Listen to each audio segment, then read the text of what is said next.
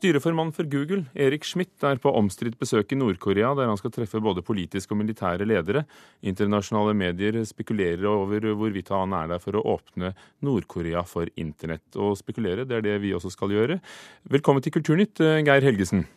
Ja, takk for det. Du befinner deg i København, der du er direktør for Nordisk institutt for Asiastudier. Eh, og, og, vi hører deg ofte når det er snakk om Nord-Korea. Denne delegasjonen Schmidt eh, er i, består også av en eksguvernør og en annen Google-sjef. Hvor høyt plasserte folk uh, møter en privat delegasjon som dette? Ja, Den er ikke så privat når en tidligere guvernør er med, og han har reist i Nord-Korea i 15 år, massevis av ganger. Så de møter toppfolk. De møter ikke den eh, nye, unge lederen, men de møter de folkene som han snakker med. Eh, så det er temmelig alvorlige saker, det her. Tegn tyder på at lederen eh, Kim Jong-un har planer om å åpne landet for utenlandske investorer. Hvis dette er tilfellet, betyr det at de kan også åpne for internett? Det vil de neppe gjøre med det samme, men eh, det er jo overveielser som de har gang i. Og det er jo allerede internett eh, i Nord-Korea, eh, men det er så forbasket få som får adgang til det nettet. De har et intranett, og det betyr at man kan kommunikere internt i landet, men ikke utover grensene. Det er noen få hundre mennesker som kan det, og det tallet blir nok større framover. Men en direkte åpning, det er det nok for tidlig å drømme om.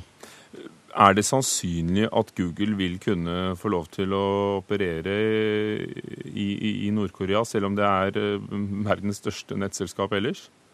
Nei, de vil ikke få lov til å operere her og nå, men kanskje de vil få lov til å hjelpe Nord-Korea med en langsom åpning. Og Hvis Google er interessert i det, og det er jo en kjempeutfordring, det er et jomfruelig marked, kan vi si, så eh, er det en fordel for eh, både Google på lang sikt, men også selvfølgelig i veldig høy grad Nord-Korea.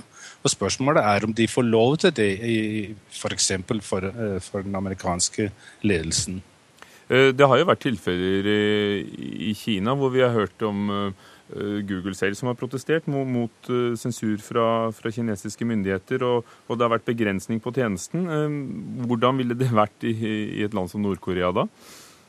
Da vil det være Kina ganger ti. Altså, Nord-Korea er langt mer lukket og langt mer paranoid i forhold til omverdenen enn Kina nesten noensinne har vært, bl.a. pga. størrelsen Eh, Nord-Korea er et lite, fattig land, men eh, det er jo veldig eh, positivt og interessant at et meget stort internasjonalt selskap tar seg tid til å besøke Nord-Korea og snakke med folk der, som jo på nåværende tidspunkt er åpne for en langsom åpning, en langsom reformpolitikk i forhold til omverdenen.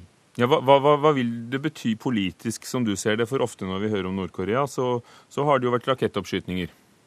Ja, de eh, bruker jo det eh, som, et, eh, som, en måte å komme i mediene på, kan man si. Som en måte å bli hørt. For de har erfaring for at når de gjør det, så går det et stykke tid, og så vil eh, utlandet gjerne i eh, i, i, snakk med dem. Og det skjer også denne gangen. Men i øyeblikket så er vi sånn i en vanskelig situasjon. Det er en ny regjering i Japan. Det kommer en ny president i Sør-Korea.